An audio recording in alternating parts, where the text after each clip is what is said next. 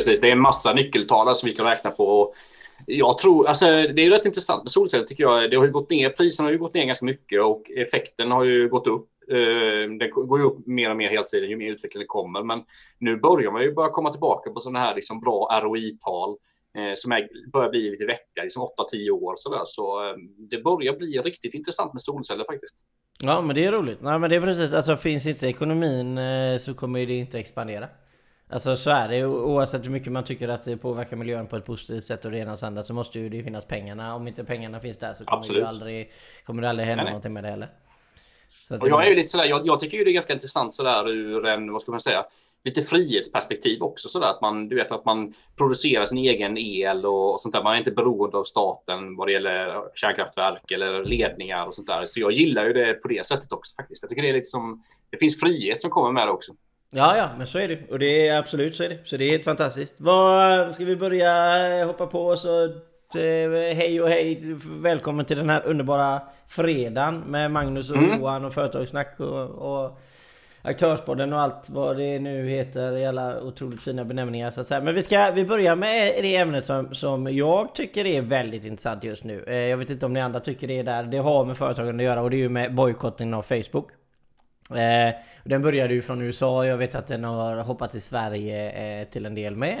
Till, till en del med och, och vilka... Eh, vi, börjar, vi kan börja med det innan vi går in på att diskutera det mer du och jag. Men det är Unilever, Verizon, The North Face, Ben Jerrys, Magnolia Pictures, Honda och Hersey. Nu vet inte jag vilka Hersey är. Kanske jag Starbucks också. Starbucks också, ja precis. Men det... SJ, SJ också från Sverige tror jag. Ja, ja just det. Jajamän. Ja, det är lite sånt där. Vad, vad, vad, vad är din första spontana reaktion när du hörde? Jag blev ju rätt förvånad faktiskt när jag hörde det till att börja med.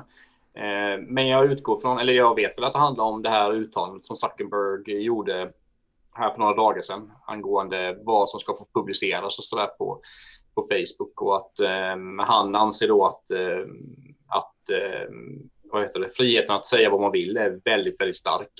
Eh, och jag sympatiserar ju faktiskt med det. Jag vet inte om du gör det Johan, men jag tycker ju, jag, jag gillar ju att man ska få säga vad man tycker.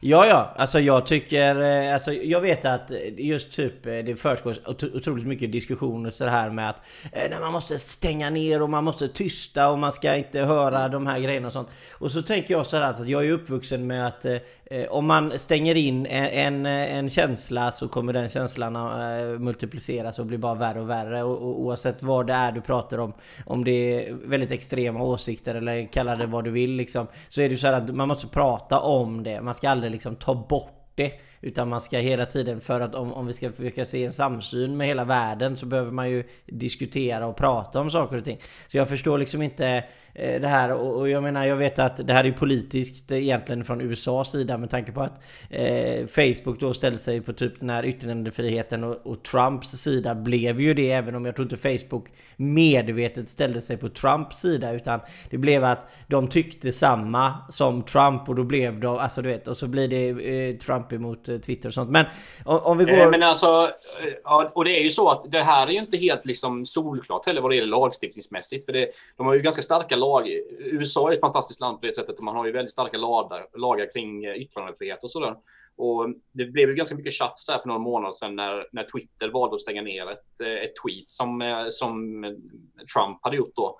Eh, medan eh, Facebook har sagt, gått ut och sagt att man inte ska göra det. Och det här kan man ju tycka om, alltså rent värderingsmässigt sånt och vad man tycker om Trump, det, det får man ju tycka vad man vill om. Liksom. Men detta är en lite annorlunda fråga tycker jag nästan att eh, man måste värna, yttrandefriheten måste värnas och då får man i så fall hitta sätt på att man, eh, ja, man kanske lägger en liten dekal på någonting att ja, vänligen bilda din egen uppfattning, kolla fakta liksom, eller någonting, eh, vad det nu kan vara. Men jag tycker att yttrandefriheten ska vara den, den, ska vara ruggigt stark, speciellt i den tiden vi lever i just nu faktiskt. Men då, ska, då, då är det ju så här att, då måste man göra det med alla liksom. Alltså du kan ju inte bara göra det med en specifik individ för att eh, man, det är din politiska motståndare eller kalla det vad du vill och sen vet inte jag mm. vem som har rätt och fel och det ena och det andra. Det, jag lägger mig inte i det. Men du, man, kan, man kan inte bara göra det åt ena sidan, då måste man göra det åt andra också. För jag, jag tycker alla de här diskussionerna och allting, det är så fruktansvärt kortsiktigt. Alltså att man, man, man ser det så otroligt kortsiktigt att man inte kan lyfta blicken lite och, och se vad, hur påverkar det lång sikt. Och där tror jag att med tanke på att varför, hela, hela, hela den här grejen, varför händer detta överhuvudtaget. Och, och det, det, är ju alltså... Eh, alltså det, det, är ju för att... Eh, Eh, Eh, det här med att man ska kunna styra innehållet i forum och eh, om det är ett öppet nätverk eller någon som är journalistik och ska editera ditt innehåll Eh, I USA så är det ju så att det finns ju lagar vad tidningar måste göra när de släpper ett innehåll. Alltså de kan bli straffade i rätten om de hittar på eller för eller gör grova uttalanden och sånt där. Medan eh, sociala forum, till exempel, vi kan ta i Sverige då Flashback till exempel, att du går ut och skriver något dumt på Flashback så, så kommer du liksom undan från det kan man ju säga och du kan inte bli stämd för det liksom. Och det är så Facebook och Twitter och sånt fungerar i USA att du blir inte stämd eller Twitter blir inte stämda för att en människa använder deras tjänst och lägger ut det. Eh, och det är ju det då det är snack om i USA och det är där egentligen den stora striden ligger. Är att skall du editera innehåll, ja men då är du en tidning och då ska du bli stämd. Eller är du inte en tidning, då måste du låta ordet vara fritt. Ja, nej men det är ju så. Jag tycker ju det, man är ute på riktigt farlig mark här. Alltså detta, är, detta är rätt bekymmersamma grejer. Liksom, oberoende vad man står politiskt eller värderingsmässigt. Så här, alltså, jag tycker ju så här med Flashback och sånt. Jag tycker ju sånt är ganska bra. Liksom. Att, man, att folk får säga vad de tycker eller vad det nu kan vara. Ehm, jag menar, så fort man börjar kväva vad människor säger, då är vi riktigt illa ute. Alltså. Eh, sen är det självklart olagligt att säga vissa saker om det är hets mot folkgrupp och sånt, men då får man ju ta det efter efterhand då så att säga. Och, jo men då är det individbrott om man säger ja, alltså, liksom. ja, men, Jo men det, det, är ju sånt måste man ju stävja. Alltså, det är inte det, det, det är inte, det är absolut inte det. Men jag tror att eh, eh, om man ska säga så här, alltså i min värld så har Facebook ökat enormt i anseende hos mig som individ efter detta. Att de står upp för yttrandefriheten. Eh, och, och att människor Alltså du får fatta själv om, om det är någonting som är lite, alltså känns Precis. lite konstigt. Du måste, du, du, får gärna vara lite självkritisk själv liksom. Mm. Det ska inte vara upp till eh, alltså staten eller stora företag mm. att de ska välja vad de matar dig med. Utan du får faktiskt se i vad du... Ja, jag jag alltså... håller med dig Johan här himla mycket. Alltså, det är, vi är nästan inne på lite libertarianskt snack. Liksom. Det är, man, måste, man måste tänka själv. Vi har ju sagt det väldigt många gånger i den här podden. Och Eh, att man måste bilda sig uppfattningar och kanske ja, men googla runt lite eller kolla runt lite vad som är fakta och vad som inte är fakta och så där. Det är, det är väldigt viktigt i det samhället vi lever just nu, för det finns ju så himla mycket. Det finns ju så himla mycket information där ute som och felaktig information också i många fall desinformation och så. Och det är återigen då är det ännu viktigare att granska. Jag menar, det lär man sig från. Det är väl. Jag vet inte när man lär sig det i skolan, men det är ganska tidigt med det här med källhänvisning och och granska det man har skrivit och mm, ja, faktakolla och sådär. Så mm, ja, det, det tycker jag definitivt man ska fokusera mycket på. Ja men det tycker jag. Och sen är det ju så här att, ja men ska jag säga hej Tony, bra kämpat Johan på ditt tioåriga delmål. Tack så mycket Tony. Eh, men jag skrev ett eh, underbart inlägg i min egen mening, håller på så här, Tyckte jag att det var skönt att få skriva lite. Så det var, det var snällt att du tog upp det. Eh, nej men alltså, eh, om vi ska gå till företagssidan då. Vi har ju pratat det här med att, att, alltså, att företag Eh, Eh, agerar som eh, eh, opinionsbildare alternativt ska sätta värdegrunder där vi jobbar bara med de som har samma värdegrund som vi har och alltså hela den här biten. För, för det är egentligen det som är underliggande att man tycker då att eh, alltså Facebook ska ta bort mer hatiskt och rasistiskt innehåll och det ena och det andra liksom sånt där. Men då är det så att de ska ha de värdegrunderna exakt som vi har och det här, det är mycket snack om det här på både LinkedIn och, och olika forum och sånt där. Eh, att vi jobbar inte med någon som, inte, alltså, som tycker annorlunda än vad jag tycker. Och jag tycker att, alltså jag vet inte, i min värld så eh, Alltså min värld så går ett företag ut och gör så som de här då har gjort då mot en sån här grej så sänker det ju mitt, mitt syn på deras företagande. Ska jag säga, sticka ut taken och säga. Vad, vad, känner du? Nej, men alltså, jag, jag, jag håller ju också med dig. Jag är inte så jätteförtjust eh, när man går ut och... Ja, Leker nation nästan, eller vad är det ja, man leker? Liksom, eller? Jag vet inte, man pekar nästan lite finger att du ja. gör rätt och du tänker rätt och du, de andra tänker fel. Liksom. Jag, för det första vet jag inte om, om företagsledningarna är tillräckligt kompetenta för att avgöra det, vad de håller på med. Och min gissning är väl att det är någon att det är någon PR-människa som sitter där som bestämmer det och så blir det så på något sätt. Så eh, det är ju en det är en ganska stor grej, speciellt när de här bolagen går ut och gör det. Men eh, visst, de är ju sina bolag och de är juridiska personer. Så är det förankrat i deras organisation så har väl de i och för sig rätt att göra det. Eh, det så, jo, men det, det blir, som en, jag... det blir som en kartell. Att man typ, mm. de ringer runt eller så ska de hoppa på det och så hoppar den ene på det så plötsligt. För att de vill komma åt pengarna då som läggs på marknadsföringen till Facebook på grund av att de ska försöka tvinga Facebook att, att följa dem så att säga. Och jag, ja, jag, jag vet inte, jag tycker det är väldigt farligt för att eh, alltså Dels så, så är det ju så här att Eh, alltså det finns alltid en motpol till allting. Eh, och det, det, är liksom, finns det någonting som är väldigt starkt åt den sidan så finns det alltid någonting som är väldigt starkt på den sidan. Desto mer du trycker på den här polen här borta desto större kommer den här att växa. Alltså det, det är alltid så. Det finns en balans på saker och ting.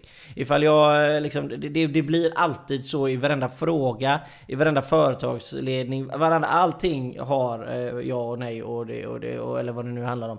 Eh, och, och, och, därför blir det så här att när man går ut och gör en sån här grej så kommer det skapa andra företag då som eh, jobbar tillsammans med de här företagen som kanske helt plötsligt inte vill jobba med de företagen på grund av att de har tagit inställningen så helt plötsligt så eh, blir kunder drabbade. Alltså det, alltså det är... Ja, men du vet, är, är inte det här lite så? Jag tror att på något sätt är det som att samhället funkar idag, samhället funkar lite så här att det blir ju lätt sådana här typer av drev, liksom saker och ting och eh, i, idag finns det ju också väldigt mycket människor med mycket makt, till exempel stora influencers och sånt här som, som kanske drar iväg, drar iväg åt något håll vad det kan gäller vissa frågor. Även, man, även om personen kanske inte har så mycket kött på benen, att man liksom bara drar iväg åt, av ett, av ett, åt ett håll på grund av liksom lite grupptryck och eh, ja, vad den liksom allmänna bilden sägs i samhället. Så, där. så jag tror eh, generellt, tänk själv, det är det som gäller alltså. Ja men det, jag håller med dig. Jag tycker det är precis så. Och det är det vi måste eh, tänka och köra efter eh, som, eh, som företagare, som individer och, och, människor under den här himlen som vi alla lever på under. Oavsett vem, vem du är liksom. Och hur mycket pengar eller lite pengar du har eller på så här. Så att, eh, jag, jag får säga att jag tycker det är grymt starkt av Facebook. Jag hoppas att de, att de inte ger viker ner sig och att de står upp för det fria ordet. För det behöver vi mer människor som gör tror jag. För, för längre sikt och våra barn. Jag menar du är förresten småbarnsförälder du med Magnus. Så jag tror att man... Mm. Eh, och man tror att man får en annan blick också när, när man, den, här, alltså, den här världen ska våra barn leva i också. Och då får man en annan bild. För jag vill inte att... Precis. Alltså, ja. Och jag, jag är ju ganska... Du har ju två barn och jag, jag har ju bara ett barn och jag är ganska ny. Jag har precis fått barn bara för några månader sedan. Och jag kan ju känna eh, speciellt på sådana grejer som händer i världen just nu. Man ser de här folkomröstningarna i Ryssland till exempel när Putin får makt här nu nästan livet ut och eh, man ser vad som händer i Hongkong och man ser i väldigt många länder att det är oroligt och även i, nu här i västra delen av i vår värld så har vi också lite stökigt vad det gäller eh, det är väldigt polariserat och sådär så eh, ja, det blir, man, man resonerar annorlunda när man har barn också. Det blir ännu mer viktigt för att man tänker på framtiden på ett annat sätt. Också. Ja, ska säga Tony, alla är så rädda vad grannen ska tycka. Lika med företagare. Att prata om ett specifikt problem är väl lösningen. Och det är hela huvudet på spiken där Tony. Så är det ju. Om du inte pratar om det, hur ska du kunna lösa någonting? Och eh, Prox säger, är det inte tröttsamt att vi har ökat antalet så kallade politiska aktivister? Jo men det är ju, alltså det är ju så. Jag menar, och det här är inte det här har inte, alltså, man har blandat in politik i företagande. Eh, det var det jag tänkte komma till förut när jag tappade ordet lite eh, med det här med Facebook och allting som händer. Det att man har HR-ansvariga som ska leka politiska eh, pekpinnar på företaget utan ska säga till vad människor ska tycka och tänka och tycker du inte som jag så ska du inte vara med. Alltså jag menar, jag tycker liksom herregud, alltså det här... Alltså blanda inte ihop företagandet och politik och blanda inte ihop för, eh, politik med massa andra grejer utan Företagande står för sig självt. Alltså det, det, har ju, det är ju sin egen process och allting som har med det att göra. Och jag menar sport är inte heller politiskt. Alltså vi måste sluta blanda in politik i allting vi gör. Bara för att jag säger att grönt är, jag tycker grönt ser lite blått ut eller kalla det vad nu du vill så behöver inte det betyda att det har med något med politik att göra. Det kanske bara att jag tycker så men i nästa fråga så kanske jag håller med. Alltså jag, det, det, det, vi får sluta blanda in politik i allting för det kommer gå käpprätt alltså. Om vi ska... Nej, men jag, jag, tycker, jag tycker du är inne på någonting där Johan. Och jag menar, vi ser ju tydligt nu i USA liksom, där man har där det framställs då som Trump den onde liksom, och, och kanske Biden eller, och Demokraterna som de goda. Då. Och, och så vissa bolag springer åt det ena hållet och vissa bolag springer åt det andra hållet. Och så där. Jag menar, eh, man ska passa sig och dra in för mycket av de typerna av känslor, tror jag, i, speciellt i våra demokratier. För det, jag menar, vi bygger på lagar. Eh, våra länder är byggda på lagar, både i Sverige och i USA. Eh, man ska följa lagen. Det är det man ska göra, tycker jag. Eh, och, ehm, Sen håller man, håller man sina värderingar. om det inte gäller liksom väldigt tydliga och och vi kan prata om rasism och sådana här bitar. Liksom. Men om det här är väldigt tydligt, sådana här som delar samhället väldigt mycket som det är i USA just nu. Man ska passa sig tror jag som bolag att eh, blanda sig i för det är mycket. Följ lagen och, eh, och ha fri, ordet fritt så att säga tycker jag. Och Prox säger precis så, det är ganska läskigt hur du håller på att utvecklas och det är eh, precis, jag menar vi är ju egentligen en ren företagarkanal men eh, alltså det är, det är, helt omöjligt att inte diskutera det även om vi är en företagarkanal med tanke på att företag drar ju in, eh, precis som vi har pratat om, eh, och börjar det ena och det andra. Jag menar, jag, jag tycker det är det är farligt. Alltså USAs väg att gå politiskt sett, nu ska vi inte dra in det med för mycket, men det här med, med donationer och grejer, du vet med stora eh, multinationella eh, bolag som bara pumpar in miljarder dollar i eh, olika kandidater och grejer och i princip köper kandidater och grejer. Alltså, vi ska vara jävla tacksamma för att vi bor i Sverige där vi inte håller på på det sättet och där, där folk blir nej, folkvalda nej, liksom. Och företag är, jag är pro-företagare alla dagar i veckan, men jag är inte pro-företagare företagande när företagandet blir eh, som har BNP högre än en nation. Där de har så fruktansvärt mycket att säga till och kan sätta press mot nationer för att de har så mycket anställda och det ena och det andra. Och där är jag helt plötsligt inte med på företagandets tåg längre. För att jag, företagandet ska inte Eh, ageras på det sättet. Man ska se om man mår bra och på jobbet och man ska ta hand om sina kollegor och allting som har att göra. Men man ska inte hålla på med politik och eh, det ena och det andra. Det är klart att om man är ett jättestort företag och har råd att köpa en fotbollsplan och ett ungdomsgänget så är det en jättefin grej. Men man kanske inte ska liksom tillsätta ordföranden i kommun, kommunordförande liksom. Så alltså det... Nej. Precis. Och du, jag tycker du är inne på något bra där. Vi har ju det, det är ju ganska annorlunda politiska system i Sverige och, och i USA. Jag menar, USA finansieras mycket av valkampanjen genom bolag och stora donationer. Även från privatpersoner fast som kanske är kopplade då till bolag och sådär. Men alltså, jag är ju själv, håller ju på själv med politik och menar, i Sverige är det väldigt hård lagstiftning vad det gäller om man får ta emot donationer som politiker. Eh, det måste redovisas, det får inte vara viss, över vissa, vissa belopp. Det är väldigt, väldigt, väldigt små belopp vi pratar om så det är omöjligt att ge, ge en massa tusenlappar liksom, till en politisk kandidat. Och det är väldigt bra, det, så ska det vara för att eh, det, det, finns en risk att landet blir som korrupt i sin själ när det blir för mycket ja, sådana här liksom in, intresseorganisationer och, och sånt som, som blandar sig i politiken mycket. Så nej, det ska vi hålla utanför. Ja, det, precis. Det tycker jag är jättebra. Eh, Magnus, eh, du som är politiskt aktiv företagare, hur håller du isär detta? Frågar Kid Hammarstrand. Nej, men hur man håller isär eh, politik. Nu är det så, nu är inte jag jätteaktiv politiker. Jag har ju valt att inte eh, vara så övrigt eh, aktiv som politiker beroende på att jag driver bolag. Då. Men eh, jag är ju vice ordförande för ett parti här nere i, i Malmö. Då.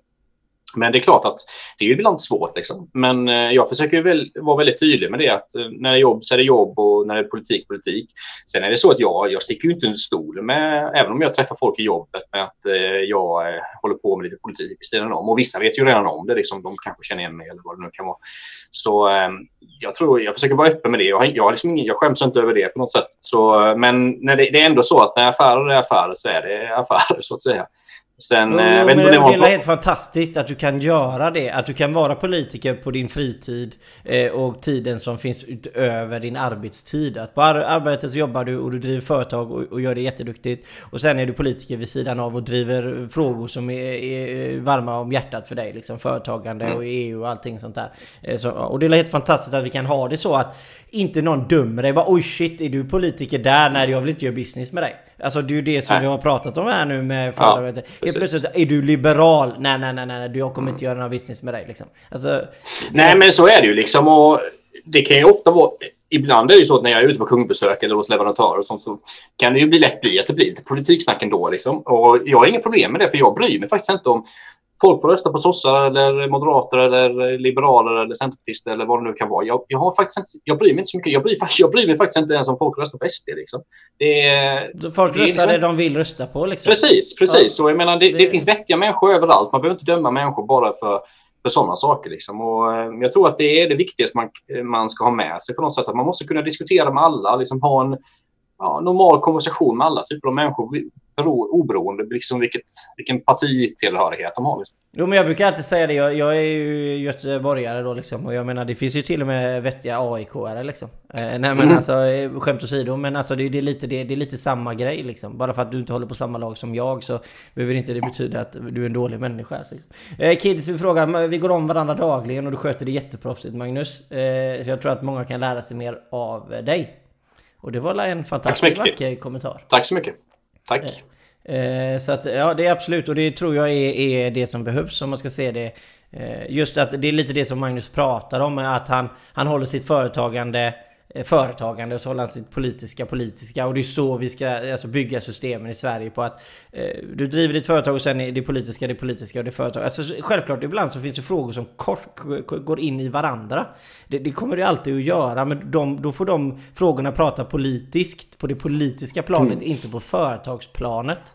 Alltså det, liksom, det, det, det, blir så himla fel eh, så att vi måste försöka hålla det bättre isär alltså. Sen kan man ju säga liksom att jag skulle ju önska att det kanske fanns, fanns mycket fler personer som engagerade sig eh, politiskt som var företagare. Oberoende liksom vilket parti man eh, vill tillhöra, det spelar ingen roll. Jag tycker att det vore bra om man kunde få in mer människor från näringsliv i politiken. Men Eh, jag kan ju märka själv liksom att eh, ibland som företagare och entreprenör så blir man ju rätt trött på politiken ibland. Liksom. Det är inget snack om det. För att det går ju väldigt långsamt och det ska snackas och det, det är svårt att komma till action och det är väldigt annorlunda mot att driva bolag. Liksom. Så jag känner ju en del företagare som varit inne i politiken men de har ju tröttnat efter ett tag. Och det kan jag absolut förstå. Men det skulle vara väldigt bra om man fick in eh, fler människor från näringslivet skulle jag säga generellt i politiken. För att människor från näringslivet och, eller företag så de vet ju hur man hur, hur det här livet, näringslivet fungerar och hur företagandet fungerar. Och det är bara om man vet hur saker fungerar som man kommer kunna förändra saker. Eh, till exempel näringslivsfrågor, företagsfrågor och sånt där. Och, så, och helt oberoende parti. Jag tror det hade varit väldigt bra för Sverige tycker jag. att försöka få ner det här heltidspolitikerna hela livet och på något sätt att man, man hoppar mellan kanske näringsliv och, och politik. Jo precis och där, där är, det, det tror jag är en, är en väldigt fin poäng för att i dagens läge så Eh, har man drivit företag, vi säger 5-10 år och du har anställda till exempel sånt där så, så förstår man efter ett par år hur, hur, mycket de här individerna dels betyder för dig personligen men även för företaget och hur många stenar de har lagt i, i företagets namn. Alltså att det är de som har varit med och byggt upp även vad själva anseendet över företaget är. De som jobbar tillsammans med dig. Och då vet du ju som företagsledare att de här individerna tar jag hand om även när jag kanske inte egentligen borde göra det. För att här gör vi så. Och jag menar, för förr för, brukar man ju alltid säga att du vet den elaka företag företagaren, han bara utnyttjar människor och de ska gå... Det är inte så riktigt längre utan eh, om man ska ta något positivt av det ändå som händer, det här med att företagen har blivit mer som eh, nationer, även mindre företag, att man tar hand med. Och det, det, är ju en positiv bild av det får jag ändå säga. Att jag tycker att många företagare där ute verkligen liksom att de brinner för sina kollegor och man betalar saker och ting som man kanske inte borde göra. Men man gör det för eh, individens bästa. Och därav med att det, den, den existensen finns av de värderingarna i företagandet idag. Det gör att det hade nog varit väldigt bra om ett par företagare hade klivit över och blivit lite mer politiska för dem Absolut. som orkar, orkar med. Och jag menar Johan, vi har ju pratat om det ganska många gånger. Jag menar, det här med liksom hur saker och ting hör ihop, hur saker och ting fungerar. Jag menar, jag är ju ekonom, alltså jag har ju pluggat ekonomi, men det är ju inte förrän jag blir företagare som man verkligen känner på det ändå på riktigt. Liksom att ja, men, eh, momsen ska dit och arbetsgivarna ska dit och att, att hela, hur, hur det hela fungerar i ett företagande. Så jag tror att många människor skulle må väldigt bra tror jag av att vara företagare en, del, en, en tid av livet. Och jag brukar ju säga så, det vore, bästa vore om alla var företagare, att man betalade sina egna skatter och, och sånt här. Det vore det absolut bästa, för då skulle väldigt mycket fler människor inser värdet av skattepengarna också tror jag. För det är ju ändå så att eh, eh, om man kollar på sven, svenska småföretag. Förr i tiden var det mycket så att när man såg på en företagare, det var någon stor industrimagnet liksom, som, som drev något stort eh, fabrik eller vad det kunde vara. Men så är det ju inte idag. Jag menar, antalet bolag i Sverige har ökat jättemycket de senaste 10-20 åren. Och det finns mängder av småföretagare där ute. Så Eh, och det är ändå småföretag. Man kan, tro, man kan tro att det är Ericsson och Volvo och sånt här som drar in mest skattepengar till Sverige, men det är det inte. Det är, det är småföretagare, enmansföretag eller fåmansföretag som, som står för de absolut största skatteintäkterna faktiskt till, eh, till staten och kommunerna. Jo precis och så är det Nu ska vi se, Prox är det kanske är lite eh, överkryss, eh, jag håller på att säga, men Eh, Eh, out of topic.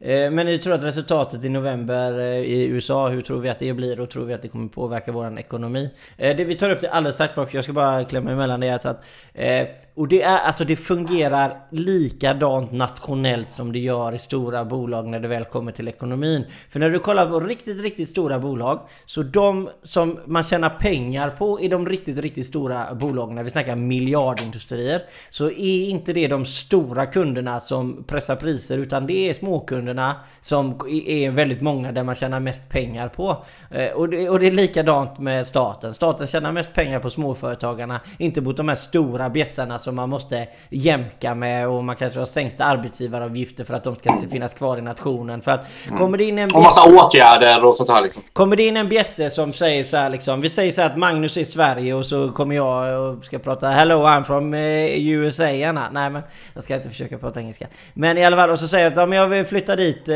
vi vill flytta till er och vi vill anställa 2000 pers eh, till vårt kontor direkt. Och då kommer jag säga så här. Ja jag vill göra det men då vill jag ha de här premisserna. Och så kommer Magnus säga nej nej det går inte och så kommer vi diskutera i två eh, veckor och så plötsligt har vi kommit överens med att vi får lite rabatt. Och jag menar, och då får man ju mindre per anställd eh, helt plötsligt. Liksom. Så att, eh, det är ju gärna så det fungerar. Liksom. Men president... Ja, ja, och, och. Menar, det ser vi ju även, jag menar, bara under den här coronakrisen kan man ju se det väldigt tydligt att småföretagarna, de, är, de står ju längst ifrån, du vet, vad det gäller att få vissa stöd och sådana här saker. Och vi har ju pratat om SAS och sånt där innan. Nu är ju sig staten delägare i SAS, det är kanske annorlunda, men man är ju väldigt snabb på liksom att dela ut stöd och sådär till stora bolag. Man, man, eh, man kanske borde vara ännu mer snabb på att kanske hjälpa de små, småföretagarna också. Så det är ju så att småföretagarna, de, det, precis som du säger, de betalar väldigt mycket skatter. Men när det väl, eh, när det väl händer något så står de också sist, sist i kön, tyvärr. Och det, alltså det, det, är alltid så. Det är alltid de som gapar högst som får mest så att säga. Och det är väldigt svårt att gapa högst som egenföretagare för att du står själv om man säger. Det är annat när... Ja men det är klart och sen är det ju så. Men är du VD för Scania eller Volvo eller Ericsson eller Spotify eller vad det nu kan vara. Liksom, då, då har man ju ingångar rakt in på regeringskansliet liksom, oftast. Eh, så då tar man upp telefonen och så ringer man och skriker lite och så där och så händer det någonting.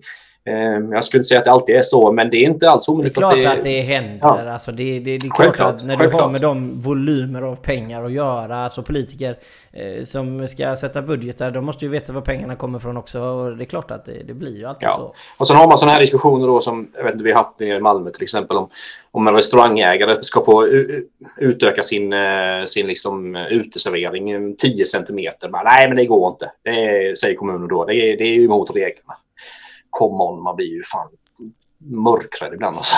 Ja, jag vet, det är så, det är så ja. jävligt. Men ska vi se nu, i alla fall, eh, vad tror vi om eh, presidentvalet? Alltså jag ska nog ändå säga det att jag tror att eh, alla, alla säger ju det att eh, Trump inte kommer vinna och även eh, precis samma som. Alltså jag, jag har svårt att se att eh, Trump... Jag tror Trump... Han, han, är ju en väldigt unik människa. och alltså både det och det. Och jag hade gärna sett att det kanske hade varit lite mer lugna kandidater kanske. Men det här är USA och jag känner Trump kommer köra över Biden i, eh, i eh, när de går upp i debatter. Eh, Biden kommer säga fel och agera flummigt och sådär som han har gjort i sina tidigare tal. Jag tror att Trump kommer totalt demolera honom faktiskt. Och jag tror att ekonomiskt sett så Eh, tror jag att det inte kommer vara jättestor skillnad mot vad det är idag eh, egentligen. Om inte han gör något eh, riktigt stort för det så tror jag att det kommer nog ändå eh, bli mer... Eh, vi kommer bli mer nationalistiska, eh, tror jag. Och mindre eh, globister om man säger om Trump eh, tar makten så att säga. Så att det kommer bli lite tuffare kanske att göra affärer utanför EU. Men i EU så tror jag att det kommer vara samma.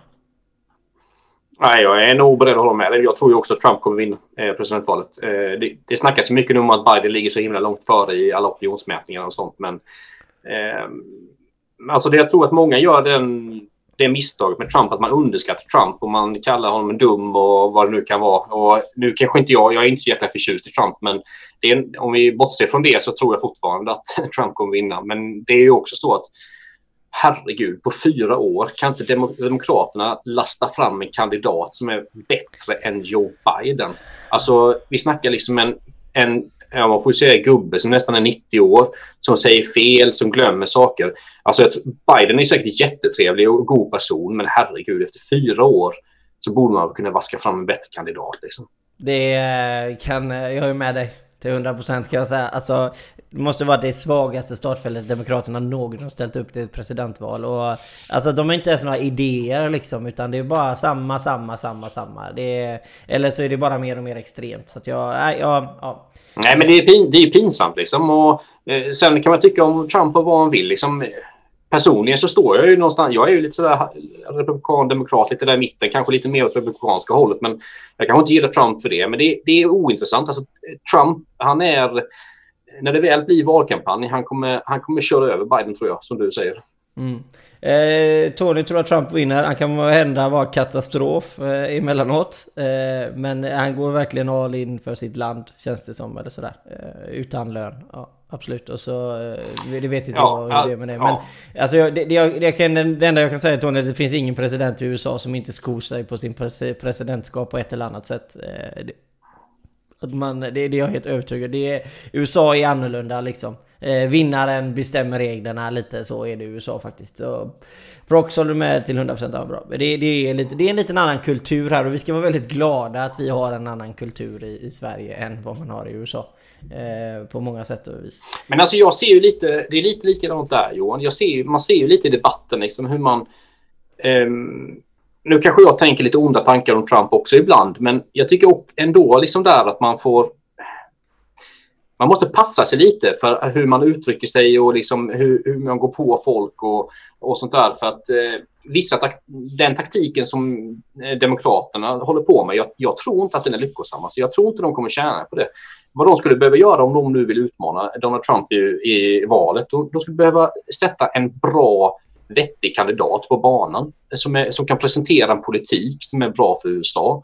Eh, och, och som går hem hos amerikanska folk. Liksom. Det, det är det ja, de bör fokusera jag... på. De, de borde sluta fokusera så mycket på Trump och fokusera mer på sitt egna. Liksom. En lugn, stabil eh, tjej eller kille som eh, har lite klor för att kloa tillbaka men ändå är alltså, normal, håller på att säga. Men alltså, en, en, alltså, mindre skrikig än vad Trump är. Ja, och kanske, kanske någon som inte är 90 år också. Liksom varför måste alltid de vara så gamla liksom? Jag fattar liksom. Ja, men alltså, jag, har ingen, jag, jag har ganska stor respekt för erfarenhet och sådär generellt. Det jag jag tycka att 90, 90 år när man liksom när man försäger sig och man glömmer saker och uttalar sig konstigt beroende på att man är snurrig och sådär. Jag menar, herregud, vi snackar, ju, vi snackar ju om ledaren för den fria världen, världens mäktigaste människa liksom.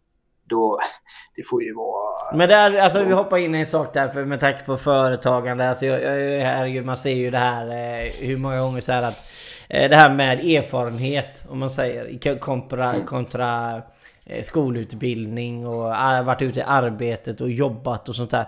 Så tycker jag alltså, jag tycker att du satte huvudet lite på spiken det du sa där med att, alltså, att man värderar, man värderar ner erfarenheten av mm. att utföra saker och ting mer och mer och mer. Att det är viktigare att ha eh, ett diplom från skolan, att man har mm. gått en kurs egentligen att varit ute i arbetslivet och jobbat. Och jag tycker det är ett fundamentalt fel som vi gör som samhälle. Där vi tycker att det är viktigare att sitta bakom en skolbänk än att vara ute och utföra saker och ting. Eh, och, och sätta igång ekonomin och det ena och det andra. Det är klart att vi måste ha högutbildningar och vara duktiga och kompetens för nytänkande och hitta på nya lösningar och innovativa och sådär för företag. För att företaget ska få kunna uppfylla den kvoten så att vi kan ligga i framkant i vissa ämnen. Men vi kan inte ner, alltså erfarenheten av att ha gjort en sak eller ett yrke länge, den överstiger det mesta i min mening. Alltså, jag tycker det är erfarenheten, eh, för den, den skapar kompetens och kompetens är det absolut viktigaste vi har. Så att jag eh, Nej, men alltså jag är, jag är fullständigt enig med dig. Eh, jag har ju en akademisk utbildning, men det, det, alltså jag tror ju det mest som en försäkring. Alltså jag skulle inte säga att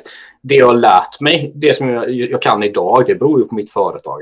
Mest absolut. Alltså ekonomiutbildningen var ju jag var ju, man var ju packad mest hela tiden så man kommer inte ihåg så mycket ändå. Nej, men, alltså, nej, det, det är skämt åsido. Men det är klart att nej, du lärde dig grunderna kanske? Liksom. Ja, det är klart. Men jag, jag, man, man, behöver uppvärdera, skulle jag säga. Det är också en väldigt intressant sak som är väldigt stor skillnad på USA och, och Sverige. Där det, det är Sveriges nackdel skulle jag säga. att I USA har man, värderar man erfarenhet väldigt mycket mer. Och kanske ålder och erfarenhet att, att det ger något positivt i, liksom i företagande och i näringsliv och sånt där. Medan idag är det ju så, Sverige har nästan blivit så här, det är nästan blivit lite extremt så att när du är runt 50-årsåldern så bör, behöver du till och med tänka på oj, jag kanske inte är attraktiv på arbetsmarknaden. Det är ju det är helt bisarrt. Ja, men jag vet, jag ser, jag, jag ser det i, i typ anslagstavlor och sånt där, såna här grupperingar som man, eh, så grupper och sånt som man har varit med på sådär. Som man inte har gått ut. Så det äldre människor med så här grym erfarenhet av jättemånga grejer. De får liksom inga jobb för att, eh, alltså det, det har blivit... Jag, jag, förstår liksom inte det. Vem, vem, vem, alltså... För det första då, man är färdig med barn när man är äldre. Man har, man har varit och jobbat yrksamt, man har varit med om så många konstiga situationer och ändå tagit sig Ja, och man har gått liksom. på många smällar. Gått på många smällar, det är viktigt. Ja. Så att jag, jag menar, det, jag håller med dig. Vi måste tänka om där och, och företagen måste tänka om där. Och jag menar, jag kommer ihåg det var någon nu var det ju någon debatt eh, för länge sedan där det var någon 19-årig politiker som satt och diskuterade mot en 65-årig politiker som hade varit politiker hela livet och så säger den 19-åriga bara för att du är äldre än mig behöver inte du vara bättre än mig och så tänker jag men herregud eh, Troligtvis så jo du har varit i politiken i ett halvår, den här poli politikern har varit i politiker i 50 år snart. Men alltså, alltså nå någonstans måste man ju värdera... Nej men absolut och, och så känner jag ju liksom både vad det gäller politiken och med näringslivet. Liksom att, eh, med politiken kan jag ju känna så att det är problematiskt när människor eh, är, går genom politiken och bara varit politiker. Man har gått genom ungdomsförbund och sen kör man vidare och blir, kanske blir någon kommunpolitiker, sen blir man riksdagsledamot och så. Sen i slutändan så har man inte haft något annat jobb och det är ju väldigt problematiskt. Det hade ju varit, det hade varit lika problematiskt om du hade haft samma jobb inom näringslivet i många år. För jag menar, du behöver göra olika saker för att utvecklas. Liksom. Det är ingen konstighet med det. Alexander som är med oss, Abenius, mm. har ju varit med oss och, och sånt där. Och han, vad sa han? Att han, eh, han, han hade satt ett, ett datum vad sa han? Ja, att jag, jag, är politiker till det och det datumet sen jag... Sen ja, han sa ju inget datum. Han hade, han hade väl det... Ja, vi försökte, vi. Nej, sa ja. inte, eller sa han det? Vi försökte pressa han på det vet jag. Ja, precis. Men jag vet inte om han sa någonting där. Men eh, sak samma, i alla fall. Det är ett jättebra avsnitt så det får ni gå tillbaka och lyssna på. Men... Eh, eller ska ni lyssna på för det är ett jättebra avsnitt. Men eh, i alla fall, där tror jag att det är som du säger. Man ska... Sen kan man nog gå tillbaka till det igen. Men jag tror att man, man får inte ta, ta... Det är som att vara kontorist. Vi säger det som jag. Vi tar mig som exempel. Bara för att det är väldigt lätt att ta mig för jag är här. Eh, och alltså, jag har varit ute och jobbat i fält som elektriker i många, många herrans år. Eh, I mitt, eh, först själv då, så, så, på mitt eget företag. Och sen blev jag kontorist liksom. Det, alltså, du, du vet man... Jag jobbar på det här varje dag för att inte tappa verklighetsuppfattningen. För att när man sitter hela tiden och tittar, stirrar in i en skärm och inte eh, gör någonting själv. Eh, alltså det, det är någonting du hela tiden måste kämpa med för att inte göra. Tänk dig då att man skulle sitta på kontoret i 20 år. Jag tror att det är görbra att eh, egentligen gå ut och jobba några veckor. Och jag, nu, nu har jag ju lite problem med ryggar och det ena och det andra. Men det, det kanske är någonting som jag också har funderat på. Att man skulle gå ut och vara med på ett projekt igen. Alltså en vecka. Bara för att eh, liksom förstå problemen igen liksom. Vad är det för vad man tacklas liksom? Alltså det, jag tror det är görviktigt. Jag håller med dig Johan. Ja. Eh, ska vi se. Vad... Eh, företag avstår anstånd med skatt. 3700 företag eh, sökte hjälp för att trycka fram skatten men de känner att de inte behöver göra det. Det måste ändå anses vara väldigt, väldigt goda nyheter, Magnus. Mm. Att vi kan, Absolut. att företagen har ändå, det finns ändå företag där ute med ekonomisk kapacitet att inte behöva göra det som man trodde. Ja.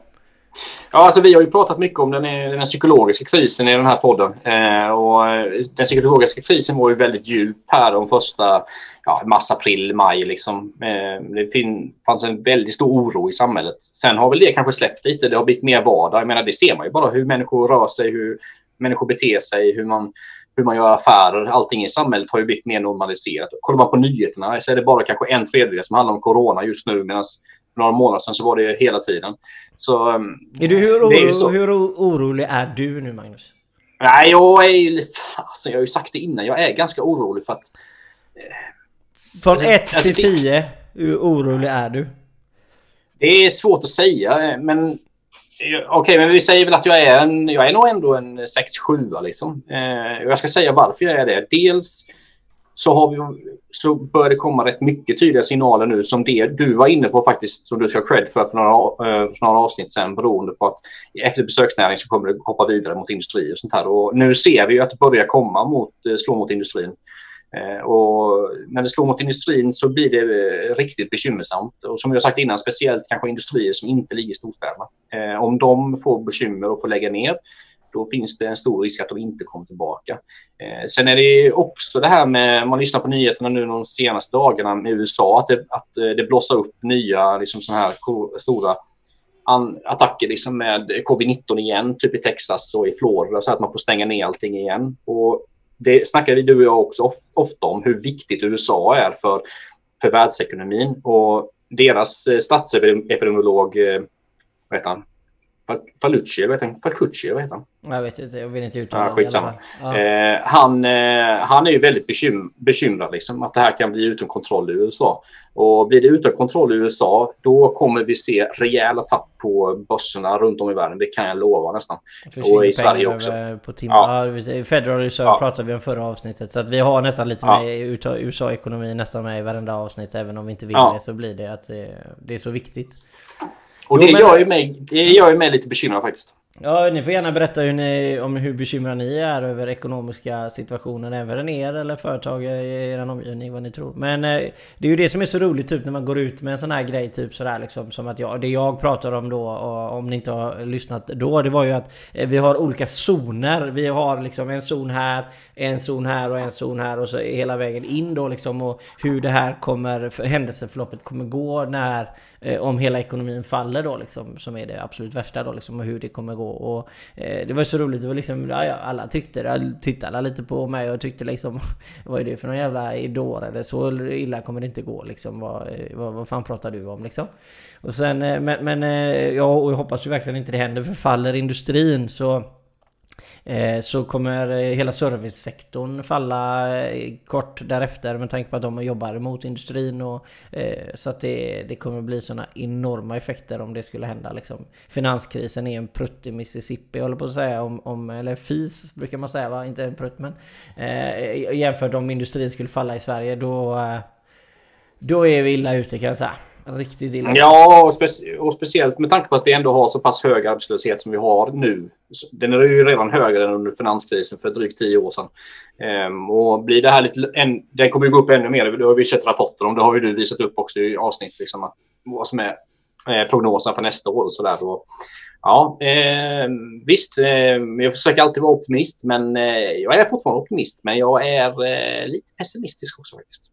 Eh, och jag är Alltså jag, jag är ju mer optimistisk nu än vad jag var förut. Det ska jag säga. Jag var ganska negativ i min eh, tankegång runt Corona. Eh, jag tycker att jag har sett eh, små köpcentrum och pratat med företagare och även där, där de säger till exempel att Eh, de har klarat sig bättre köpcenter, lokala köpcenter och, jag alltså har fått ändå liksom indikationer på att det stämmer i verkligheten också, inte bara är ett papper. Att eh, de, de, de, de har klarat sig mycket bättre och därav så att de lite små företagen ändå har en möjlighet till att överleva, eh, om man säger, för, för eh, att hålla vad det, de här små städerna eller små byarna eller kalla det vad du vill, lite levande så att säga och, och att det händer någonting och det finns arbets eh, arbeten nära hemma och inte bara i storstäderna liksom som kommer vara otroligt viktigt för Sveriges ekonomi i framtiden. Att det inte är bara att, eh, att, eh, att vi inte bara har jobb i storstäderna. Liksom. Att, det, att vi ska öka på och det ser vi på de här industrierna som eh, Magnus pratade om. Att det är otroligt viktigt att det är inte bara storindustrierna med megagrejerna som överlever utan att, vi, att de små industrierna också ska kunna frodas i, i våran ekonomiska situation. För gör de det då, då, då lever landsbygden igen. Och mm. då kommer det flytta kanske folk till landsbygden för att jobba. Och, men det pratade du också om Magnus, cred till dig det här med mm. att man kanske ska släppa hörnflaggan och komma in i matchen och inse att du kanske måste flytta för att få ett jobb. Och hela mm. den här mm. biten liksom. Och, mm. Det är mycket intressant. Nej, men saker. Eh, alltså det här med industrin. Det är, vi, måste, vi får inte glömma det att vi har välståndet i Sverige som finns idag bygger mycket på industrin. Och även om Sverige inte har lika mycket liksom, produktionsanläggningar och lika beroende av industrin idag som för 20-30 år sedan så är fortfarande svensk industri väldigt, väldigt viktig för, för det svenska välståndet. Eh, så får vi bekymmer där så ja. då kan det bli tufft. Eh, vi ska... Eh, handeln eh, är utsatt mer för brott. Och det här är långa nyheter. Du och jag har pratat om detta. Vi pratade om mm. inbrott i, i tjänstesektorn, i bilar och det ena och det andra och att handeln... Och hur, vad, ska vi, vad ska vi som företagare göra, Magnus, för att få... Alltså, för, för att man ska förstå vidden av problemet att Eh, det är faktiskt dags att börja bokföra och att det blir, börjar bli lite lag och ordning i Sverige igen och man, att man börjar Alltså faktiskt förstå att det finns lagar och eh, de är till för att följas och, och, eh, och se till att hela polismyndigheter och allting följer efter och att det inte är Alltså vi åker runt och bjuder fika till våldsbejakande personer så att säga. När, när, när, när får vi ordning på det här problemet? Mm, ja, det kan man ju fråga sig. Det, har ju, det här har ju varit ett, väldigt, det har varit ett stort problem i många år nu. Speciellt med olika stöldligor och sånt som glider runt, eh, runt om i Sverige. Eh, och eh, hur man får ordning på detta problemet, ja det är, det är ju ingen quick fix på detta skulle inte jag säga. Det handlar ju om att sätta press på politiker och på befattningshavare ännu mer. Liksom. För att, ja, vi, vi har ju diskuterat i samband med det här med skatter och sånt här. Och jag, jag återkommer till det, liksom, att, att man betalar ju skatter för att få en samhällsservice. Och eh, är man då ett eh, tjänsteföretag, en ja, vad det kan vara, målerifirma, byggfirma eller eh, elektriker eller vad det nu kan vara. Får man då, får man då eh, inbrott i sina bilar hela tiden och får sina verktyg och material och sånt stulna, då, då får man inte valuta för sina skattepengar. Liksom. Man, får inte, man, får inte, man får inte den tjänsten man betalar för att säga, den samhällstjänsten. Så, eh, jag, jag ja, tycker försäkringsbolag ska stämma staten. Och kräva ja. betalningen av brotten som har begåtts på grund av eh, att, att de får ta de kostnaderna på grund av att inte staten kan eh, förfölja sitt eh, löfte till eh, svenska företag. Det, jag tycker det har gått så långt nu att det, det är bara... Det, det, det, måste till hårda bud i Mellerud och någon får börja stå för de här kostnaderna för att nu... Eh, det skenar mer och mer och man läser om det till och med där och jag pratar, börjar prata om detta eh, 2017 la jag ut den första filmen angående detta på Facebook som om man vill scrolla tillbaka och titta så pratar jag om brott eh, mot företagare i Sverige. Så att jag... Efter det så kom Företagarna ett år senare. Men Företagarna, företagarna är ungefär ett år efter mig. Så det är ganska många mm. saker. Så jag inte, ja. det är inte speciellt ovanligt. Jag, jag, jag har inte jag tycker Nej men alltså eh, man kan ju sätta lite mer konkreta saker. Man skulle kunna tänka sig att eh, typ eh, en bransch som du arbetar i som är väldigt utsatt för brott. Liksom, man skulle kunna tänka sig att man får börja göra avdrag på skatterna till exempel.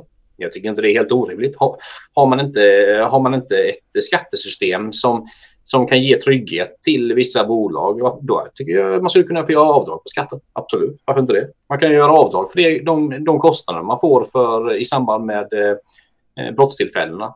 Typ Alternativt, ja, det är också ett alternativ och den vägen kan man absolut gå men eh, det blir inte lika kraftfullt på det sättet att eh, när man väl gör en, en stämningsansökan på grund av att man eh, inte uppfattar någon har skött sina åtaganden så att säga och det är så det hade föregått i företagsvärlden. Nej men, vad man, nej, men vad man, kan, vad man kan säga att det ger ju väldigt konkret data för, för, för som det ser ut idag, jag menar, om man kollar på till exempel hantverksbranschen eller vad det nu kan vara. Handeln, det är ju ingen som... Pratar om nu. Ja, precis. Ja, handeln, förlåt. Ja, men beroende på vilken bransch det är. Man vet ju inte riktigt. Det är, svinnet är väldigt svårt att uppskatta. Man, ungefär uppskattar man ju det. Liksom. Men om, man hade, om det hade varit så att man hade kunnat göra avdrag för typ vissa saker då som är relaterat till detta. Det, då, då är det ju en helt annan grej. Då skulle man verkligen få det på pränt hur mycket staten förlorar i intäkter liksom, beroende på beroende på all brottslig verksamhet. Liksom. Och det, det, det, är inte liksom, alltså det, det, här är inte, man kan tycka att man ibland kan man vara lite filosofisk, man sitter och filosoferar. Det som är, det här är det, det är bara för att företagarna har krav på sig. Alltså, eh, du ska medarbetarlagen, du ska låta de anställda vara med och bestämma. Du ska eh, MBL och det ena och det andra. Och det, du, du har så otroligt mycket krav på dig och du ska ta hand om allting. Det är arbetsmiljö, om någon blir skadad på jobbet. Alla de här grejerna liksom. Och jag säger inte att det är fel. Men jag säger bara det att om du har mycket krav på dig så ska du kunna ha, ha eh, motkrav mot den, din part. Och din part är ju att eh, de anställda är anställda hos dig, du blir deras part som de går till och pekar finger. Och din part blir ju inte politikerna utan nationen. Alltså det, det, är där jag tycker att alltså, det liksom, vi ska inte politifiera allting utan nationen måste driva sig själv eh, och, och, ha en bra grund och sen politiska eh, grejer att man förändrar lite sånt där. Det ska inte vara det att eh, polisen är politisk och det ena och grejer och man ska ta politiska ställningar om man är polis. Jag menar vi pratade om det här härom veckan va, när en polis inte skötte sina åtaganden och det ena och det andra liksom. Och alla tyckte det var jättefint liksom. Och jag, jag bara skakade på huvudet liksom. Så att, men ska vi säga Tony, hur tror ni det ligger? Men, ja? ja. Nej, men du sa ju det med handeln och det är också en följd av, jag menar, när det blir finanskriser och folk blir uppsagda och folk förlorar arbetet och sånt här. Tyvärr är det ju en följd då att kanske brottsligheten, eh, stölder och sånt i handeln går upp ännu mer för att eh, ja, människor har inget arbete, man har inte råd att konsumera och kanske vissa människor tyvärr då stjäl saker istället. Så det, det, det, blir ju liksom en negativ spiral på något sätt att eh, ju sämre ekonomin går också här framöver så kommer ju antagligen eh, brottsligheten också öka i samband med det. Och sen är det inte så att man säger så här, jag säger inte att hur lösning, jag har inte kompetens nog att påtala hur lösningen ska ske. Eller jag förstår ju att höja straffen påverkar ju inte brottsligheten i sig, att den minskar eh, på det sättet ändå. Inte lika mycket som man kan tro. Så att jag, jag säger inte att jag har lösningen på problemet, utan jag säger bara det att jag, jag skiter i vem som löser det, men löser bara. För det är så du som företagare får krav på dig att göra. Så att då är det lika bra att sätta det kravet tidigare, kan jag tycka. Eh, inte mer än allmänt rätt faktiskt i dagens läge. Eh, ska vi se vad Tony säger. Hur tror ni det ligger överlag i Europa, världen om framtiden med nedstängningar? Eh, även Sveriges strategi kommer eh, bli framöver att tackla hinder. Eh, ja, det var ju det vi pratade lite om, eh, ekonomin och stängningar och det ena och det andra. Vi pratade om USA tror jag i den vevan där när Tony skrev det. Vad tror vi om, om, vad tror vi om Europa? Om ekonomin i Europa? Lite, det, detta är skitsvårt att snacka om. Alltså, man, dels har det inte kommit så mycket data och siffror och så, där, så det är svårt att ha en uppfattning. Men eh, man kan väl tänka sig att länder som har stängt ner väldigt mycket har fått en, en, en hårdare slag mot ekonomin. Det är väl inte ett long shot att tänka, tänka så. Liksom.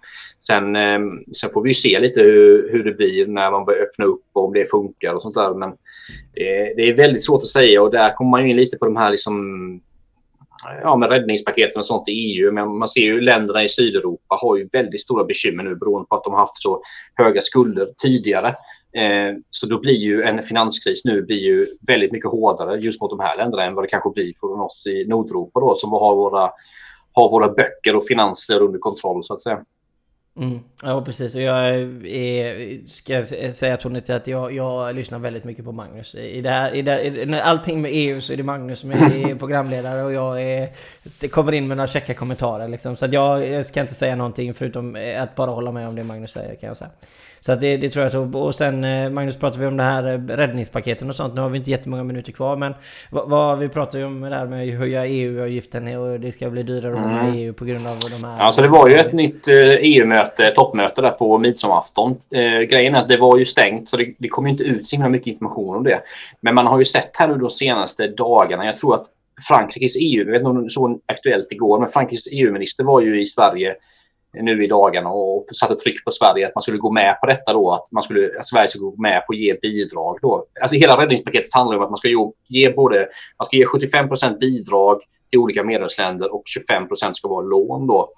Eh, medan detta är ju någonting som Sverige motsätter sig tillsammans med Danmark, Österrike och Holland. Och eh, det är ett otroligt tryck nu på Sverige och de andra länderna att man ska gå med på detta. Och eh, jag säger som jag sagt de senaste månaderna, vi ska inte gå med på detta. Eh, för att vi jag har pratat mycket om de här länderna nere i syd. Jag har ju själv bott i Spanien så det är inte så att jag inte tycker om de här länderna. Men det är, det är ju så här att har man inte sina ekonomier i kontroll och jag menar de senaste tio åren har världen sett den största uppgången som man någonsin har sett på eh, ekonomi och väl, liksom välstånd. Och har man inte då kunnat minska sina skulder under de här tio åren, man har istället ökat, det, det, kommer inte bli bra det här med att ge en massa bidrag till en massa länder. Jag tror att, jag tror att många länder inom EU behöver tänka om. Man behöver liksom ha livskraftiga ekonomier. Vi snackar, snackar mycket om livskraftiga bolag. Man behöver också ha livskraftiga ekonomier. Men eh, jag tror ju, som jag sagt innan, min, mitt stalltips är att Sverige kommer att vika ner sig tyvärr i den här frågan. För trycket kommer att bli för stort. Jag hoppas som Magnus att det givetvis att... Eh, men alltså det, det, det är liksom alltså nationer och kulturer och det här och, och eh, det är fantastiskt med att kunna åka ner i Spanien och bemöta deras kultur på ett helt annat sätt som, än vad vi har i Sverige. Men det handlar om attityd. Alltså allting handlar om attityd. Det är arbetsviljan att vilja göra något gott. Del för sig själv och del för andra. Till exempel med att betala skatt. Sen kan man tycka att hur mycket skatt man ska betala. Men alla anser i Sverige att vi ska betala skatt och vi försöker inte komma undan. Och därav så kan det allmänna bli ganska bra i Sverige med sjukvård och det ena och det andra. För att det, alla tycker det går till en bra anledning. Och det är, jag tror att kulturen är lite annorlunda i, i, andra länder. Jag tror inte man är så, typ som titta på Grekland eh, om vi ska ta det. De är ju inte jättepositiva till att få höjda skatter utan de vill inte betala Nej men det, det är ju så här att Alltså jag tror ju att greker generellt, de, greker jag känner, känner vill ju gärna göra rätt för sig och sådär. Men det handlar ju väldigt mycket om historia, om hur staten har skötts, liksom i vissa länder, typ eh, Italien och Grekland till exempel. Och I Grekland är det ju så att det har varit extremt mycket korruption, eh, politikerna har skott sig på skattebetalarnas pengar. Och det här lever ju med i människor liksom. Så, så viljan att betala skatt i Grekland är mycket, mycket, mycket lägre än vad den är i Sverige. Det finns det ju fakta på liksom. Och det är klart, det här tar ju lång tid att förändra, men här är någonting som, om vi nu ska ha ett EU-samarbete, så det bygger ju ändå på att, att att alla är med och bidrar på något sätt. Jag menar, det kan inte bara vara så att det är liksom Nordeuropa som ska stå för finanserna på något sätt. Det kan ju vara så, vi har ju gått med på det under ganska lång tid i Europa, att det är uppe vi i norra Europa som har hjälpt till mycket med, ja men det är bara att kolla på vägarna i Ungern, i Polen och i Spanien och det är fantastiska motorvägar och det, det är ju norra Europa som har stått mycket för den här kakan liksom. Men så kan det inte, det kan inte fungera så i all oändlighet liksom. De måste ju komma på fötterna också och... Ja, men det måste bli diskussioner. Jag menar, jag kan ta ett jätteroligt exempel. Så är det, så här, det är en eh, gata eh, och det här, det här har ju hänt på verkligheten då. Det, det är ett land då så, så kan man dra in avlopp till, eh, till fastigheter liksom. Så säger vi att det är tio fastigheter längs med en gata då. Eh, och då är det så att den första vill ju inte betala för att vi ska dra in ett avlopp till de som ligger bakom den.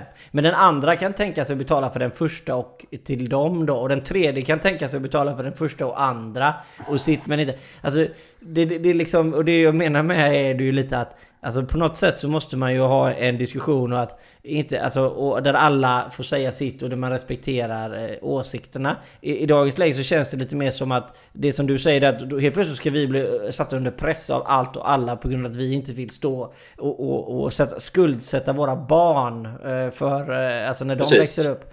Jag menar, det är liksom, det, det, är något vackert i det här med att Sverige står upp och, eh, och det tycker Exakt. jag man måste prata om, att vi bor i ett land ja. där man faktiskt ändå står upp för skattebetalarna, även kanske man tycker det ibland. Men ändå, vi gör ju ändå det uppenbarligen eftersom vi står emot det här. Nej, precis. Och jag kan tycka då, jag kollade, jag kollade på den här intervjun igår på Aktuellt då med den här franska EU-ministern som står där och säger att vi måste göra det och vi måste göra det i Sverige. Jag menar, jag, jag, alltså jag är inte så förtjust i det. Jag blev nästan lite, jag blev nästan för förbannad när jag kollade på det liksom. För jag menar, Frankrike, de har ganska mycket att ta tag i, i sin ekonomi där nere med sina statsskulder. Det kanske skulle vara så att eh, att man kanske borde titta mer på hur vi har byggt eh, Skandinavien, liksom hur man har byggt välstånd i Skandinavien och kanske anpassa EU-snurran eh, e e över det. Men eh, nu är det ju tyvärr så, den största spelaren, Tyskland, har ju ställt sig bakom det här förslaget, vilket jag är jag är väldigt förvånad faktiskt att eh, Merkel har ställt sig bakom detta förslaget, för det är inte alls likt henne. Men nu ska ju hon sluta snart, så hon kanske vill, hon kanske vill Förstöra avsluta. nästkommande. Ja, eller så hon kanske vill avsluta på ett sätt som eh, där hon eh, framstår som en eh, god Mess kvinna Messias. eller något sånt där. Ja, lite så. Men som du sa innan, alltså, det är inte relevant. De här lånen, det är, oh, det är, det är så mycket pengar så det är bisarrt ju. Så det här kommer ju påverka väldigt många generationer framåt och jag tycker vi ska fortsätta ta fighten där alltså Sverige. Och det, och det är faktiskt ta fighten det är, och diskutera de här Håll utkik, var självkritiska, lyssna inte bara på mig och Magnus. Titta upp dig själva. Och sen sitt vid fikaborden här på jobbet och, och diskutera de här grejerna för att eh, det här är ingenting som är eh, kontroversiellt att tycka eller att vi helt plötsligt tror att Trump kommer vinna som helt plötsligt eh, ingen annan kommer säga nej de snackar skit. Bara, eh, det är inget kontroversiellt att prata om EU-avgiften om man säger och att vi ska betala den och vi kommer jag menar hur många procent kommer vi få tillbaka av om vi lägger in 10 miljarder säger vi eller en miljard säger vi för lätt. Hur mycket kommer gå tillbaka till Sverige? Det är 5 miljoner eller något. Alltså, Nej men jag säger att vi går in, om vi ger in 10 miljarder kanske vi får tillbaka en eller två miljarder så det är väldigt lite. Så, såklart. Du kan väl lika gärna låna de pengarna själva alltså, i, i det fallet. Så att det, det beror ju på. Men där är det globalism och nationalism. Det, det ja men det är ju så här. Och jag menar jag, jag, är ju, jag är ju positiv till EU-samarbete. Jag gillar ju EU. Men i det här fallet så skulle jag, jag vill ju hellre, jag, har ju, jag har ju sagt att jag kan, jag, kan, jag kan vara fine med att man lånar ut pengar till länder eh, på grund av detta. För att vi har ju ändå ett EU-samarbete och Ja, vi ska visa någon slags gränser. solidaritet. Ja, men, men det här med bidrag, alltså det, och det handlar inte om att Sverige har ju säkert råd att göra det. Det handlar inte om det. Det handlar verkligen om att vi måste skicka en väldigt tydlig signal att, att om man inte kan få igång, om man inte kan minska sin statsskuld på, på, på under tio år när världen har sett den bästa ekonomiska tiderna på någonsin, då, måste, då kan vi inte göra så att vi ska börja ge ett massa bidrag om det går dåligt. Liksom. Det, det krävs stora förändringar. I, i jo, men den ratingen liksom. Tänk dig om du hade fått den bokslutsratingen som vi har i Sverige. En, eh, nu säger jag det bara för att jag själv fick AAA eller högsta. Så att det är väl roligt för mig. Woho. Men eh, eh, alltså jag, det är liksom... Och det är ett bokslut och sen blir det rated. Jag menar Spanien och de... Jag menar de är ju inte... Alltså de är ju inte... Alltså de borde inte... De har ingen rating för att vi ska låna ut pengar till dem. För att alltså man vet inte var pengarna hamnar. Det är det som är det största bekymret. Och agerar man riktigt med pengarna som man väl har, uppenbarligen som de inte gjorde tidigare, varför ska de göra det sen? Det är lite det du är ute efter Magnus antar jag. Att varför mm. skulle de helt plötsligt bara... Här får ni 10 miljarder till och jo, nu har vi blivit duktiga på att hantera pengar liksom. Det, det händer ju inte. Nej, så att jag menar i så fall får det finnas en EU-kommission som hanterar pengarna och utbetalningarna direkt till gå förbi nationerna liksom. Och då snackar vi om en EU-stat istället och ja, ja det blir precis, väldigt, precis. Eh, väldigt eh, så. Nej, men, men, det är ju så här, menar vi kan ju inte ha, alltså man kan ju prata om solidaritet här. Jag menar, och grejen är att men det, man måste ändå skilja på solidaritet och vad som är bra för framtiden. Liksom. Och min, min slutsats är ju att det, det, är inte bra för framtiden att vi ger vissa ekonomier eller länder pengar som bidrag.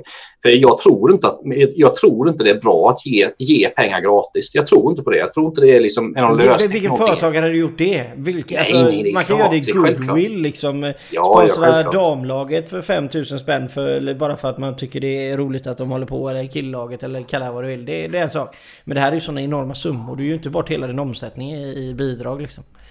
Nej, nej. Ja, men eh, Magnus, vad tar du med dig mm. från dagens avsnitt?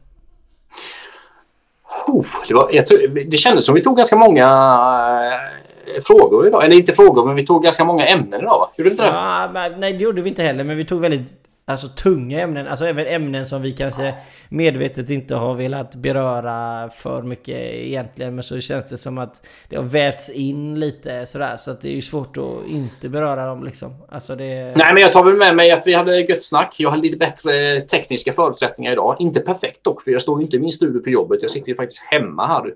Så eh, jag sitter här med mina dubbla skärmar. Eh, kameran i mitten här. Jag önskar jag kunde... Jag kan just visa. Kolla här, vet.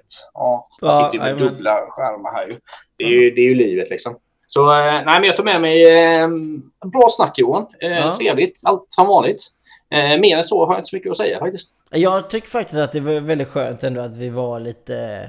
Inte kontroversiella, det, det var vi inte, men att vi ändå... Alltså, eh, som du och jag har, att vi, vi pratar om saker och ting och säger liksom det vi tycker och tänker istället för att man ska springa eh, och inte säga grejer. Så det tar jag med mig idag. Jag tycker att vi vi, vi, vi ger en, en, en, våran sanna bild i alla fall av vad vi tycker och, och eh, försöker inte hymla med saker och ting utan då är det bättre att säga det rakt ut och så får någon säga att Johan eller Magnus vi tycker att du har fel och så. Ja, det ja men det är ju helt okej liksom. Ja, ja, jag tycker det. Så vi, man är med... vi, har säkert fel, vi har säkert fel om jättemycket saker men eh, det viktigaste är att man diskuterar saker och ting. Det hade aldrig hänt. Hade, nej, nej, det håller nej, inte i rätten Magnus. Det finns ingen som håller i rätten. Ha? Nej, det är klart. Du, jag, är, jag är faktiskt nämndeman så glöm inte det. Nej precis, det är väldigt bra om, jag, om de försöker döma emot mig emot aktörsporten. ja precis. Ja då ska inte jag sitta där för då blir jag ju jävig. Ja, ja men jag ja. kommer inte säga något om inte du säger något.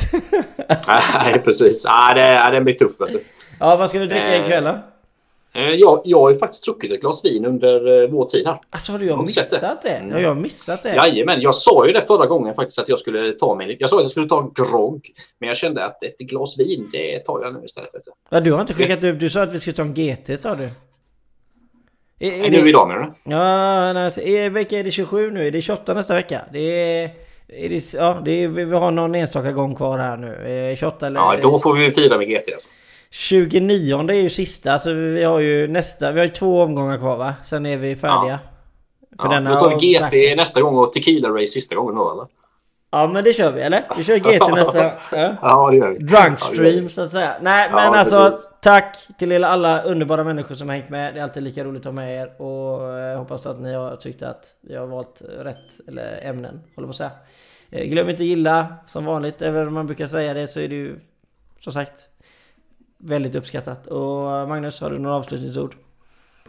Nej, jag kan ju bara säga följ Aktörspodden, följ Moder Johan, följ mig, Magnus Thulin.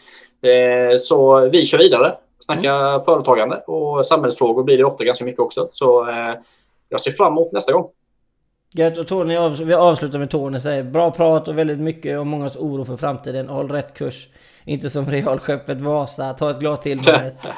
Ja det är grymt Tony. Han säger det varje gång nu. Det är underbart. Ja. Alltså, jag gillar Tony. Han är en riktig legendar. Ja, han alltså. är legendar ja.